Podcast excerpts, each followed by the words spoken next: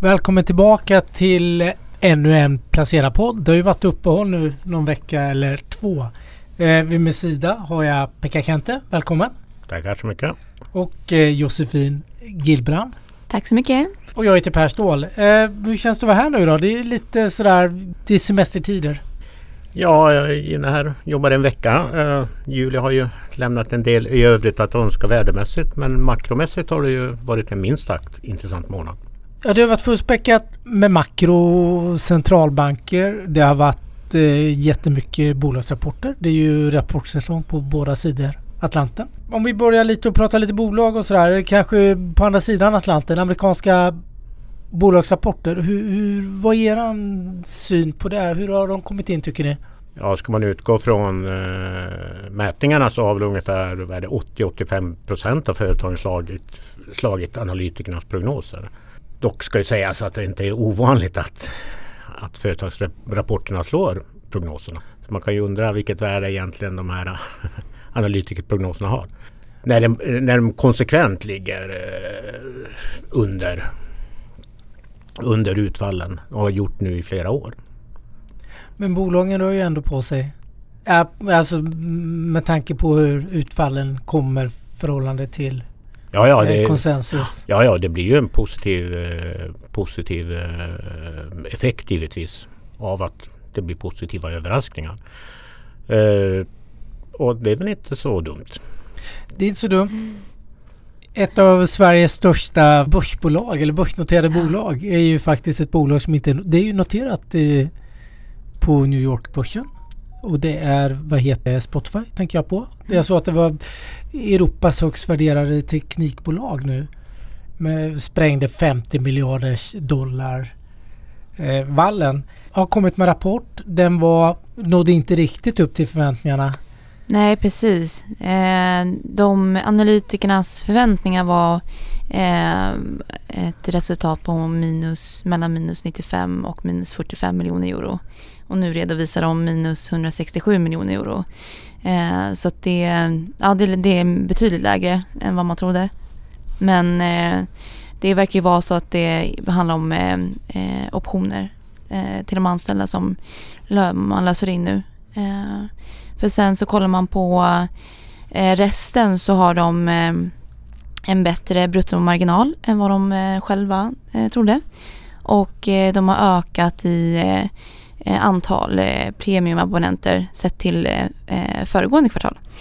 och sen så, ja, så är det ju, ja, har de ju liksom visat sig vara en av numera världens största techjättar, vilket är jättekul. Så det, det framtidsutsikterna för Spotify ser ändå eh, ganska ljusa ut. Ja, det är kul. Det är en liten coronavinnare ändå på något sätt. Man lyssnar mycket på streamingmusik och på poddar uppenbarligen. Eh, jag tänker på några andra sådana tydliga mm, vinnare nu. Microsoft släppte rapport för ett tag sedan som var väldigt, eh, väldigt stark. Väldigt bra på många sätt och vis. Inne på Pekkas levererar bättre lite förväntningarna. Men, men eh, de levererar en väldigt stark tillväxt. Eh, toppen. Eh, jag tänker här hemma har vi ju... Jag har ju semestrat, hemestrat heter det väl. Jag har varit runt kuskat i Sverige. Du Pekka ska runt och kuska i Sverige. Ja. Eh, jag tänker på Thule de som gör takboxar och tar med cyklar. Och jag var ju själv i södra Sverige och jag har aldrig sett så mycket cyklar på bilar som jag har gjort i år. Eh, och jag har sett mycket av allt tycker jag. Det var mycket, mycket båtar. Man, man fraktar väldigt mycket, mycket saker. Men väldigt mycket cyklar faktiskt. Både på taket och där bak och sådär. Eh, Thule levererar en väldigt bra rapport. Ja. Ja precis, faktum är att eh, de eh, själva sa att de, kan inte, de har inte kunnat eh, leva upp till eh, den stor, starka efterfrågan som finns på cykelmarknaden för att de levererar ju hållare och sådana där grejer till, för att kunna transportera cyklar. Så att det har ju varit en jättestor efterfrågan på det. Ehm, så ja, absolut. Och sen så en annan grej är att de har också produkter för husbilar, markiser och sådär bland annat. Och det har man ju också sett en ökad efterfrågan på. Så att eh, det, Thule är ju en eh, klar vinnare på hemestertrenden. Eh, ja, det är ju detaljhandeln egentligen i stort också. Eh, vi såg ju eh, SCB släppte siffror över detaljhandelsutvecklingen som var väldigt positiva här för juni och troligtvis så kommer det väl se ännu lite bättre ut i juli. Så att, eh, och det är väl mycket att folk har tillbringat eh, sin semester i Sverige som driver upp det. Men det är inte alla delar av landet som gynnas av det. För jag såg nu öppnade ju Värmland upp mot Norge och då ökade gränshandeln betydligt. Ja. Eh, just där medan andra delar, jag tänker Strömstad och sånt, är det väl fortfarande stängt vad jag förstår. Jo, de har ju tappat oerhört mycket. Men eh, som sagt var, nu öppnar gränserna så att eh, det blir väl ett rejält uppsving för gränshandeln skulle jag tippa. Var det? 300 meter kö till Systembolaget någonstans. Eh, jag tänkte på några andra som kanske inte gynnas lika mycket då. Lite, det är lyx, lyxvaror. Jag gillar alltid att prata om de här lyxvaruaktierna. De, de har ju kommit i veckan faktiskt. Både LVMH, Kering, Moncler. Eh, lite blandade resultat. Men vad jag tar med mig är att eh, man är ganska positiv. Man ser väldigt bra siffror nu i slutet på Q2, vilket är juni då, men framförallt in i juli nu att många marknader börjar återhämta sig betydligt. Vi pratar Japan, vi pratar i, i Kina. Och Kina har vi pratat eh, tidigare idag, lite på strategimötet. Eh, återhämtningen. Eh, eh, det, vi ser en V-formation i Kina i mångt och mycket. Eh, vilket man även börjar se då på även lyxvaruindustri. Och det är en väldigt stor del av av försäljningen. Det står ungefär för drygt en tredjedel mm. när det gäller LVMH. Vilket jag tycker är positivt och det ska bli spännande att se hur pass stark återhämtningen blir nu. Du, du har en liten annan syn på återhämtningen Eh, den som jag målar upp för lyxvarubolagen. ja, men du har ju rätt. Eh, det har ju pratats mycket om eh, olika typer av återhämtning. Ska, ska det bli ett V eller ett U och sådär. Eller ett L till och med. Mm, och jag skulle väl säga att Kina är väl ett av de få länder som möjligtvis kommer uppvisa ett riktigt V. Vi ser att industriproduktionen redan stiger i årstakt och detaljhandeln är på väg upp eh, snabbt. Så att eh, Kina ser det ju eh, förhållandevis ljust ut. Ja, och det blir bra för de bolagen jag tänker som har stor exponering. Vi pratar om LVMH. Ja, ja. Man har liksom en tredjedel av omsättningen där. Ja. Eh, vilket kan tala för viss ja, stöd till till aktiekursen och sådär då. Men det är bara Kina du ser en tydlig V?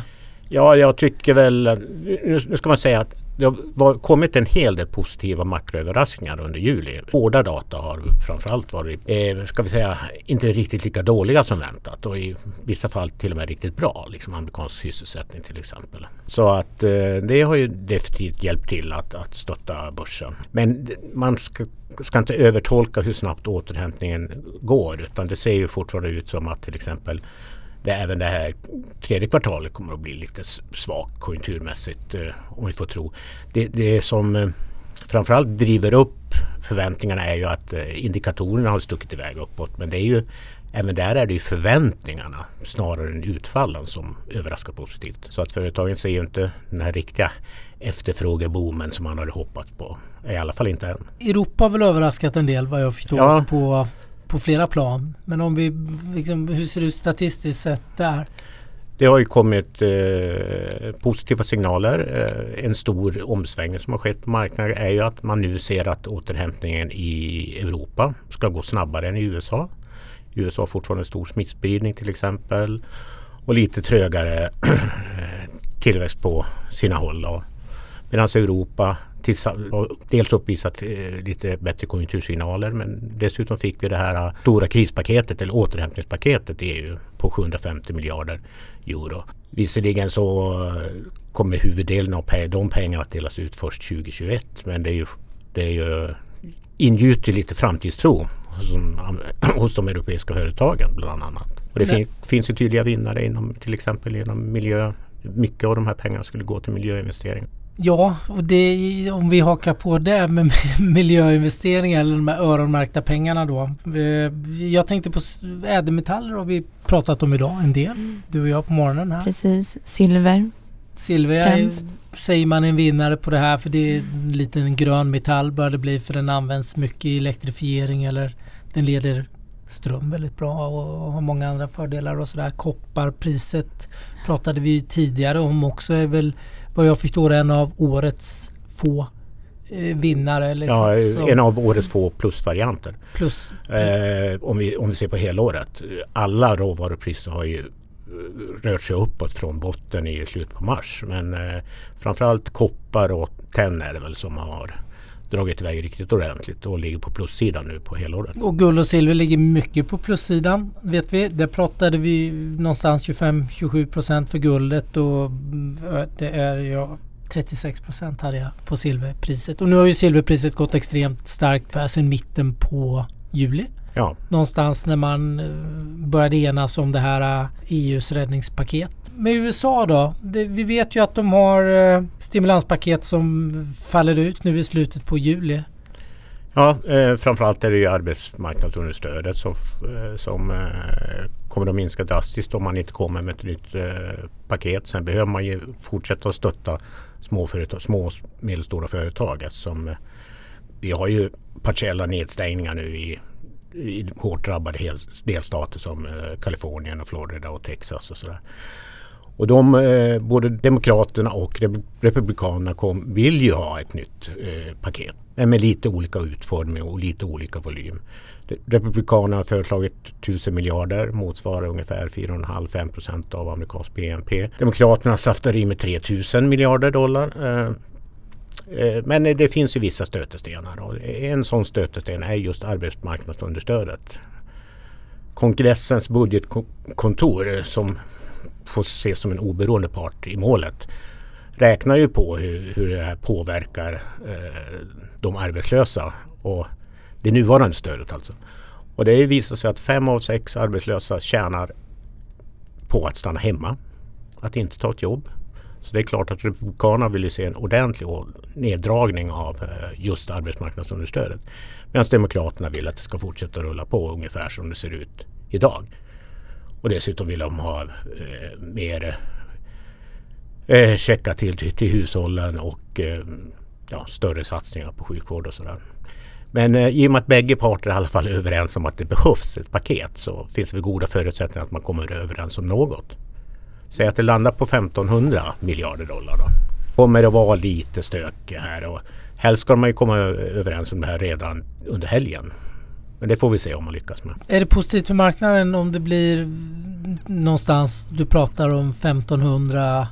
Vad, vad krävs för att marknaden ska tycka att det här är positivt och Jag tror att eh, det räcker egentligen med att Demokraterna och Republikanerna visar att, visar att man kan komma överens.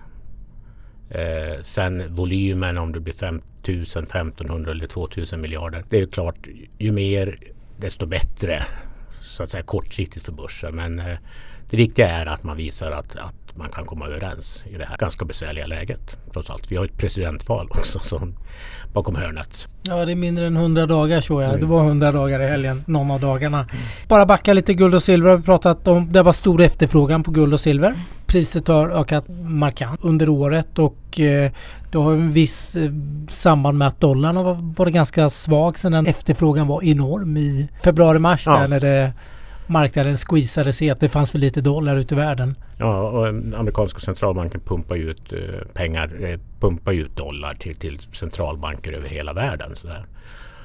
Men nu har ju vinden definitivt vänt för dollarn. Nu är, nu är ju allt fler skeptiska till dollarns utveckling. Och det beror ju bland annat på att eh, till exempel att Europa har bättre tillväxtförutsättningar. Så, I alla fall kortsiktigt. Man ser att man pumpar ut så, så stora summor i, i, från centralbankshåll och från regeringshåll. Och det trycker också ner. Så att förtroendet för dollarn som eh, trygg hamn har minskat. Dessutom när börsen går upp, riskviljan ökar. Då är det också, sker det också någon sorts naturlig flykt från dollarn. Ja, för kronan är väl en av vinnarna sen, eh, sen i mitt, någon gång där i, i mars. Ja, i slutet av mars. I slutet av mars. Ja, stärkt nästan 10 procent. Och det är ju en fantastisk resa de har gjort. Och första hand var ju att börsen vände som gjorde att kronan började stärkas. Men nu har det ju tillkommit andra faktorer som att omvärlden är mer positiva till den svenska coronastrategin till exempel. Ur en ekonomisk horisont i alla fall. Svensk ekonomi klarar sig bättre. Vi har ett eh, betydligt lägre budget under eh, betydligt lägre statsskuld än övriga länder. Så synen på svensk ekonomi i stort har ju också ändrats och det hjälper ju också till att driva kronkursen. Hur stark kan kronan bli nu då? Eller vad, vad har du för förväntningar? Eller vad, tror ni där? Men- Får vi se 8 kronor mot dollarn? Och, Håller riskaptiten i sig så det tror jag definitivt 8 kronor mot dollarn är inom räckhåll. Liksom 10 kronor mot euron. Men det krävs nog att vi inte får något så här konjunkturbakslag globalt sett. Eller att vi ser en oro på finansmarknaden. För då tar ju kronan nästan per automatik stryk. en annan sak som slår mig om vi pratar kronan och kanske Stockholmsbörsen tänker jag. Den är ju har ju varit enormt stark sen sen bottennoteringen. En av de starkaste börserna. Överraskat mig måste jag säga. Vad är, vad är era tankar kring liksom kan Stockholmsbörsen fortsätta? Den har gått väldigt bra sista månaden. Ja. En av vinnarna och så. Hur länge? Ja, när det, när det här eh, spelas in så har ju ja, men, svenska börsen gått upp med ungefär 6% bara i juli. Och det är efter ett flertal månader med kraftiga uppgångar. Så att eh, det verkar inte finnas någon hejd på det eh, egentligen. Eh, och eh, jag tror att en, en stor drivkraft för börsrörelsen över hela världen är ju lång, eh, att vi har nollräntor under överskådlig tid. Vi har eh, centralbanker som minimerar kreditrisker. Och det finns egentligen få alternativ till att ligga i aktier om man vill ha eh, en hygglig avkastning. Visst, man kan ligga i guld och man kan ligga i silver, man kan ligga i råvaror. Men det är ju mer, vad ska vi säga, för den normala placeraren lite betydligt mer osäkra eller okända placeringsalternativ. Så det finns goda förutsättningar för att aktier ska fortsätta upp även i Sverige. Däremot så kanske man får räkna med vissa bakslag. Det har ju ändå varit en så att säga snabb resa. Jag tror inte det finns någon där ute på marknaden som inte är överraskade över att återhämtningen gick så fort. Jag menar den svenska börsen är ju numera uppe på plus minus noll på helåret. Vilket är fantastiskt sett till att vi har haft en coronakris. En to- nästan total nedstängning av global ekonomi och sådär. Så, mm. Men man blickar långt framåt. Så. Ja, hur, hur blickar ni privat? Har ni gjort några egna aktieaffärer nu under den senaste månaden? Ja, jag har tyckt ganska länge att jag eh, har missat tåget lite. Eh, det har varit en jättestark börs ju, som ni sa. Eh, och att den, eh, jag vet inte. Det, jag, jag, min, min känsla är att det är, li, det är mycket som är osäkert fortfarande. Och att det kanske finns risk för att mycket bakslag. Och om det händer, om börsen eh, dippar igen, då, då tror jag att jag ska kolla på, eh, kanske köpa eh, sådana bolag som jag, som jag har på min bevakningslista. Men, Vad har du på listan då? Bara något, jag vet att du har skrivit om betalkortsjättarna och lite sådana här oligopolmarknader som är techorienterat. Nej, men, det, men det är ju verkligen de här eh, största. Det är ju eh, Microsoft, eh, Mastercard, eh, Apple. Liksom. Eh, så att det, det, de, de är ju, har ju gått superstarkt. Och nu när man eh, läser mycket och då, då förstår man också hur, hur bra och lönsamma de här bolagen är. Eh, så att det, om, ja, jag tänker att om det kommer en, en dipp igen, då ska jag nog passa på att eh, gå in och köpa. Och lyssna på Pekka då att det är TINA, det är låga räntor under överskådlig framtid. Aktier, det är där man ska vara sannolikt närmaste åren. Du då Pekka, du, du, jag vet att du har varit het i år på börsen. Ja, jag, jag, jag är ju en trög investerare när det gäller aktier. Det, det blir inte så många eh, aktieaffärer för mig. Jag ligger kvar med mina gamla trotjänare. Däremot så gjorde jag en översyn av eh, hela min portfölj i- samband med det stora raset i mars och tittade på liksom, vad är det som, vad är det som av det här som är, jag ska göra mig av med. Och eh, jag hittar ingenting. Ganska vanligt fenomen också att när det blir sådana stora rörelser då, då säljs ju allting. Jag låg ju kvar till exempel i Byggmax, köpte på mig extra. Det måste ha Eh, varit en riktig... Ja det var det var ju en väldigt, har ju varit en väldigt bra resa. Eh, Jag köpte på mig Balder då. Det var ju en ny aktie i portföljen kan man säga. Men det har inte varit en lika bra resa för jag köpte också Balder Ja, nämligen i ja. Corona. Och jag, visst den är upp men den Mm. går ju inte att jämföra med andra typer av aktier. Men en Byggmax eh, och sen eh, häromdagen så har har jag en aktie som jag ägt väldigt länge. Jag kommer inte ens ihåg anledningen att jag köpte den. Det var Doro. Den har ju liksom inte rört sig annat än liksom svagt neråt vad jag vet de senaste fyra fem åren. Men nu såg jag faktiskt att den hade piggat på sig. Och jag kan ju liksom eh, tänka mig att ja, det här borde, ju, borde vara en coronavinnare. Ur den aspekten att äldre sitter liksom isolerade. Kanske behöver en ny mobiltelefon som är lätthanterlig. Borde och de är mer digitala idag. För det, mm. De står ju för en stor del av tillväxten nu. Mm. Du, pratar, du pratar ju dagligvaror, du pratar du, du har pratat betalkortsjättar. Vi vet ju att det görs mer affärer än någonsin på e-handel växer så det knakar och den äldre generationen är där. De är ju där mer än någonsin nu för att de är så pass isolerade. Stämmer ja. kanske med din Doro-tänk? Ja, eh, mm. nu finns det väl alternativ mm. till Doro-telefoner liksom. Så jag vet inte om Doro är bättre än någon annan. Ja. Men, men eh, det tillhör väl i alla fall de här som jag tycker borde gynnas av, av en ökad digitalisering med den äldre generationen. Men Ja, vi får se. Jag har ju två som du har skrivit om. Jag har ju Visa Mastercard i min portfölj. Har ju inte riktigt. De är ju såklart som mycket annat. Det har ju gått bra sedan botten men de är fortfarande ner på året lite och sådär. Det, det har inte varit någon sån här super... Transaktionerna är inte vad de har varit. Eh, Precis, nu, just när det gäller Visa, de, är, de släppte sin rapport nu också och eh, de var i linje med förväntningarna. Eh, och eh, säger att eh, de har backat med minus 10% i betalningsvolym och det var någonting som man hade förväntat också. Så att det, det är färre transaktioner eh, i samband med re, ja, minskat resande eller ingenting alls. Så att det, de eh, stryker med på det. Men eh, det, där, där är ändå framtiden väldigt ljus för både Visa och Mastercard. Ja, jag tänkte bara innan vi avslutar, något som du säger som på något sätt inte har kommit tillbaka än riktigt alls. Det är ju resandet. Jag har ju hemestra, ska hemestra och jag har inga planer riktigt på att resa utomlands heller sådär. Hur känner ni? Liksom, är återhämtningen trög? LVMH sa att den var trög. De säljer mycket på flygplatser också.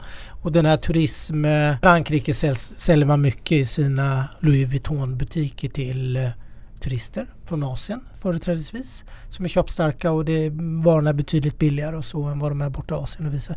Det är ju ingen turism från Asien överhuvudtaget nu till Europa. Så när, när tror ni att den kommer igång? Vad... För att den ska komma tillbaks liksom, till fornstora dagar så, så krävs det ju ett vaccin.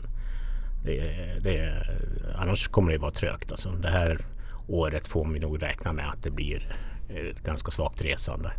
Men att vi kommer att få tillbaks resande, det tror jag. Eh, folk vill, vill resa. Folk vill se annat. Det kommer att finnas även ett eh, uppdämt behov av att resa när väl coronakrisen är under kontroll. Men då ska den vara under betydligt bättre kontroll än idag. Det är, det är fortfarande så att smittspridningen globalt sett är ju, är ju väldigt stor. Den är ja, jag vet inte de sista siffrorna men den är ju rekordstor. Om man tittar på, på den stora bilden. Så det är klart att det kommer att vara trögt för resandet. Eh, men den kommer tillbaks absolut. Ja, då får man in och köpa vad det nu finns där. Mycket, mycket olika aktier som kommer att gynnas som du säger när, när, när när trenden väl vänder och ett uppdämt behov kommer vi säkert att ha om man har hemestrat eh, runt i Sverige nu. Ja, om man kör ett andra varv till sist så ja. kanske man även vill se något annat. Ja, folk semestrat i, haft sin semester i juli så lär de väl längta till sol och värme. Ja, det var en bra avslutning. Eh, helgen står för dörren. Jag får önska er en trevlig helg. Tack, Tack så mycket. Detsamma. Detsamma.